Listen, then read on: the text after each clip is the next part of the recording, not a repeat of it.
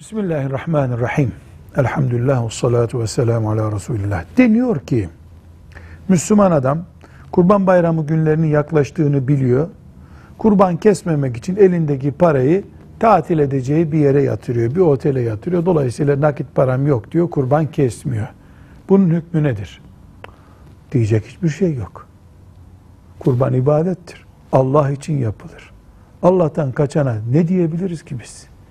Velhamdülillahi Rabbil Alemin.